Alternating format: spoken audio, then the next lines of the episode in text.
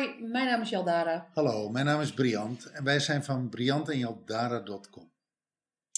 En wij zijn communicatie- en relatiecoach voor nieuw samengestelde gezinnen, waarvan een van de partners uit een vechtscheiding komt of daar nog in zit. Yes. En naar aanleiding van een vraag van Selma doen wij zeven podcasts over het onderwerp veranderingsbereidheid in relaties. En dit is nummertje 5 van 7. Ja, en we gaan het in deze podcast gaan we het heel expliciet hebben over eh, veranderingen ehm, die eh, in gezinnen. Ja, dus, dus als jij als jij wil dat jouw partner verandert, maar dat je met elkaar in een gezin leeft eh, met kinderen. Klopt. En de mechanismes die je tegenkomt als het gaat over veranderingsbereidheid, het zijn er drie. Ehm, en die zijn eigenlijk hetzelfde. Ik zal ze zo even noemen. Die mechanismes blijven hetzelfde als ehm, ook voor relaties zonder kinderen of in de echtscheiding. Ehm, alleen de dynamiek is anders. Hè? Klopt. Uh, en die mechanismes waar we het dan over hebben, is um, in eerste instantie uh, de klacht, afstemming en commitment. Ja, dus dat je, dat je eerst gaat bedenken van, weet je, um, hier ben ik het niet mee eens, uh, ik heb een andere wens, ik heb andere verlangen. dat je dat er vervolgens moet inbrengen in de relatie, waardoor er afstemming op kan komen en waardoor er commitment op kan komen dat het anders kan. Nou, dan is het de vraag of het een verandering is die van binnenuit komt of dat die van buitenaf opgelegd wordt. Hebben we in de tweede podcast over gehad. En het derde eh, mechanisme, de fundamentele relatiewaarden. Dan hebben we er vier. Het gaat over veiligheid, onveiligheid. Open en gesloten. Um, dragen en gedragen worden. Onafhankelijkheid en afhankelijkheid. Um, nou, die spelen ook mee. Yes. Die zijn in eigenlijk altijd hetzelfde in een relatie, alleen de dynamiek is anders en we hebben het vandaag over de dynamiek van een gezin. Ja, dus uh, gezin met kinderen die in een bepaalde leeftijdsfase zitten. Ja, dat maakt een groot verschil uit of jij kinderen hebt in de kleuterleeftijd of in de lagere schoolleeftijd of in de puberleeftijd. Of je hebt een gezin waarbij je een kleuter hebt, een kind op de lagere school en een puber. Ja, jij bent de vader van de kinderen, dus jij weet dat. Ik heb ze eh, actief meegemaakt als uh, kleuter en lagere school. En heb ze daarna pas weer gezien toen ze puber waren. Dus ja. die tussenleeftijd heb ik niet meegemaakt. Nee, maar wij hebben wel, wij zijn ook jeugdhulpverleners. Ja, we hebben en in die zin hebben we alles door elkaar heen in de groepen wel meegemaakt. Vanuit ons beroep hebben we dat absoluut allemaal meegemaakt. Precies. En wat je dan ziet is, dan als je namelijk naar die leeftijdsfases, ja, ook bij jou, ook bij die kleuterfase uh, daar moest je natuurlijk op afstemmen. Ja. Dan... Nou ja, het, het leuke is, uh, uh, we hebben het er in een andere periscope recentelijk over gehad. Op het moment dat je verliefd bent en je besluit te trouwen of niet, of samenwonen, je besluit een relatie te hebben en je besluit kinderen te krijgen.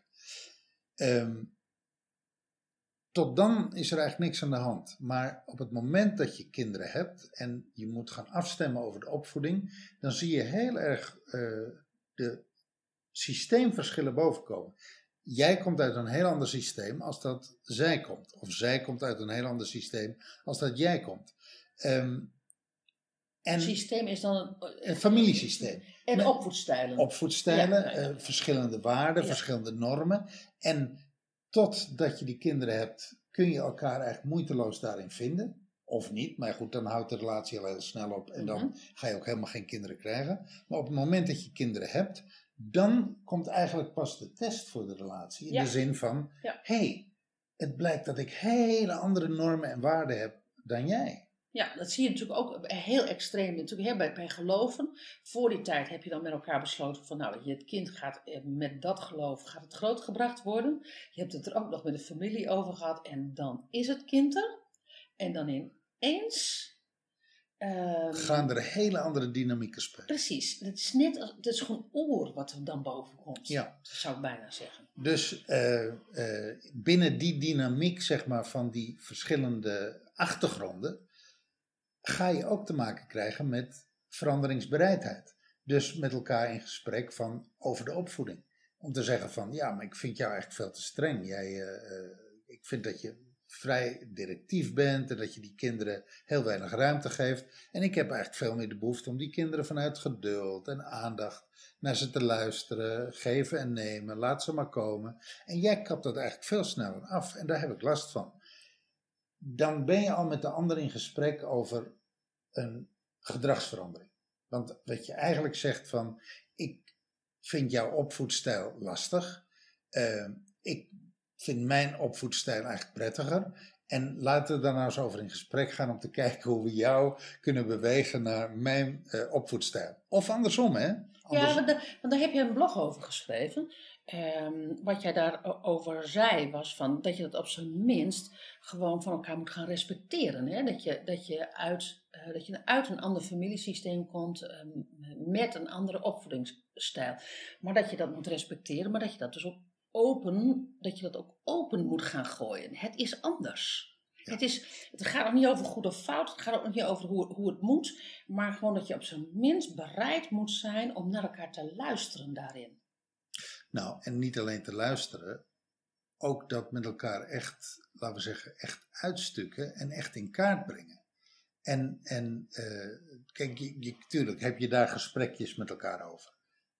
Uh, onder het genot van een glas wijn of, of uh, bij een wandeling langs het strand. En soms denk ik, moet je, zou je eigenlijk, als dat redelijk ver uit elkaar ligt, zou je eigenlijk al moeten gaan denken over een derde erbij halen, een externe erbij halen, hulp halen, om te kijken hoe je met elkaar kunt communiceren over je verschillende opvoedstijlen. Ja, dat vind ik nog wel, want ik dan luister ik naar je en dan denk ik van ja, wat als de een fulltime werkt en de ander is fulltime thuis? Dan maak je dus letterlijk dingen niet mee. Klopt. Wat je dan vaak ziet, is dat degene die uit huis is, aan het werk is, dat die zegt van nou ja, weet je, degene die thuis is, of dat nou de man of de vrouw is, die regelt over het algemeen de opvoeding. Ik pas mij wel aan. Ja. En dan is, um, is het de vraag, want ik luister naar je, eh, eh, dat je het erover moet hebben. Dan is de vraag of je dan wel heel expliciet tegen elkaar zegt: en ik wil wel van jou weten hoe jij opvoedt. Want ik wil het daar met jou over eens zijn, want het zijn dan onze kinderen. Ja, en misschien zelfs wel zeggen van, moet je luisteren, ik, ik ben dat heel anders gewend. En ik zie dat jouw opvoedstijl grote voordelen heeft. Ik zelf kan dat niet. Ik, uh, ik weet eigenlijk niet hoe dat moet. Ik kom dat bij mezelf tegen, dat ik eigenlijk vanuit een automatisme teruggrijp op dat wat ik ken, want dat zie je heel vaak gebeuren. Mhm, mhm. Help me daar nou eens bij. Vertel me eens, hoe doe je dat eigenlijk? Dat is al een mooi begin. Dat zou al een mooi begin zijn. Doen ouders dat eigenlijk? Eh, kijk, wij hebben geen kinderen. Hè? Um, in de hulpverlening doe je dat, maar dat is professioneel. Ik kijk terug naar mijn eerste huwelijk, waarin ik. Uh, uh, dat huwelijk heeft het niet gered. Dat kan ook niet, anders zou ik niet getrouwd zijn met jou. Um, daarin heb ik het te weinig gedaan. Daarin konden we elkaar in dat stuk niet bereiken en niet vinden. Ja, maar het, was het wel een gesprek? Een, een open gesprek? Um, een afgestemde opvoeding? Nee. Nee. Vind ik überhaupt al een. Al, um, vind ik überhaupt al een. Um, want in die onderstroom van. Kijk, als je zegt van ik wil dat die ander verandert, dan speelt er natuurlijk al. Dan speelt er al veel eerder wat, hè? Klopt. Als het gaat over, en, en dat is bij een gezin heel makkelijk, want dan gaat het eigenlijk eh, heel vaak gaat het over de kinderen. Heel vaak gaat het over de kinderen. Of het gaat erover, um, ik vind dat ik zoveel bij de kinderen ben, jij bent zoveel uit huis, wij hebben geen tijd voor onszelf. Ja. Ik denk dat dat, dat zijn de ja. grofweg twee varianten. Of er is iets met de kinderen, of wij als liefdespartners um, hebben eigenlijk geen tijd meer voor elkaar. Klopt. Um, nou ja, en neem je tijd voor elkaar. Neem je tijd voor elkaar. Ja, maak, je, maak je tijd voor elkaar. Wat je, wat je natuurlijk ook ziet, is dat heel veel ouders vergeten dat ze ook nog liefdespartners zijn. En dan is er nog een derde variant, dat is de context rond een, een gezin waarin de buitenwereld zich met een gezin bemoeit. Dan wel opa's en oma's, dan wel school, dan wel um, de maatschappij. Um, nou, andere uh, ouders? Andere ouders. Um, um, van zo, ho zo hoort het. Clubjes. clubjes. Um, Sport, uh, sportclubs. Dus je ziet, je ziet uh, in die dynamiek van zo'n gezin. Gamen, als je, ja, het, hebt, als je het hebt over pubers. In, in zo'n dynamiek van een gezin komen ook heel veel invloeden van buitenaf van gezin. Ja, maar dan, maar dan moet je het er dus met elkaar over hebben. En heel vaak is dat bedrijf, zo'n gezinsbedrijf, dat, dat wordt gewoon gerund. Nou ja, weet je, en dan zien we vanzelf het schipstrand. Het, het wordt vaak gerund vanuit automatisme. Precies. En uh, om daarbinnen bewustzijn, uh, en je ziet dat eigenlijk, hè, het gaat over de volgende podcast, het gaat natuurlijk over echtscheiding. Ja. Dan zie je dat die mechanismen, die automatisme, uh, dat je daar niet mee redt. Dat je het op automatisme eigenlijk bijna nooit redt. Nee, dat betekent dus dat, dat, dat betekent echt dat je een stuk bewustzijn naar binnen moet brengen. Heel bewust met elkaar in gesprek moet gaan. En dat thema veranderingsbereidheid, ja, weet je, dat uh, krijgt een hele andere invulling. Omdat je te maken hebt met, met uh, opvoeding. En omdat dat zo teruggrijpt op je eigen socialisatie, op je eigen gezin. Ja, en op je eigen opvoeding. En het, en het heeft ook een andere dynamiek. Kijk, als je alles op, op het automaatje doet. En er moet dan ineens veranderd uh, worden. En je hebt te maken met een gezin met twee, drie, vier uh, kinderen. Nou, dan heb je nog wel even een andere klus te doen als dat je geen kinderen hebt, hè? Klopt. Er, er zitten ook andere belangen. Er zit andere veiligheid, onveiligheid. Er zit andere onafhankelijkheid, afhankelijkheid. Er is een, er is een ander soort dragen en gedragen. Dragen en gedragen. Dat is een typische ouderthema.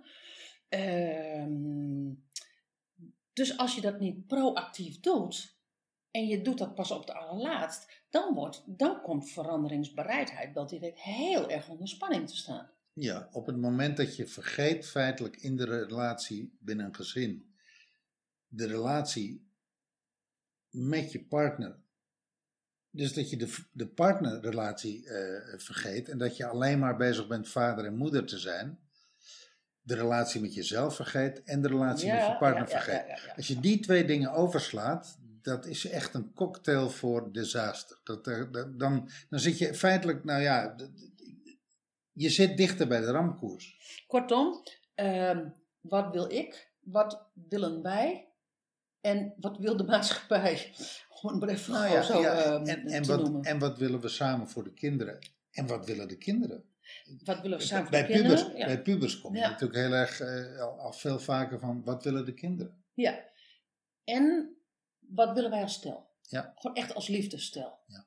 En ehm, En wat willen we als vader en moeder? dat zijn wel ingrediënten voor als, er, als je het hebt over veranderingsbereidheid. Terug naar Selma's vraag van hoe zorg je dat er iets verandert in de relatie. Als je dat niet vooraf oppakt, is het lastig om dat op te pakken op het moment dat het echt speelt. Het kan allemaal wel, maar het vraagt behoorlijk wat meer werk. Hoe eerder, zeg maar, hoe eerder je dat aanpakt, hoe vroeger je dat aanpakt Ja. en daar gezonde balans in weet te vinden en op een gezonde manier met elkaar, en gezond bedoel ik een manier die werkt, met elkaar een modus weet te vinden, hoe meer plezier je daar later van hebt. Als je het niet doet, heb je daar later meer last van. Oké. Dit was Nummer 5 uit een serie van 7 over veranderingsbereidheid in de relaties. en de volgende gaat over de echtscheiding. Klopt. Yes.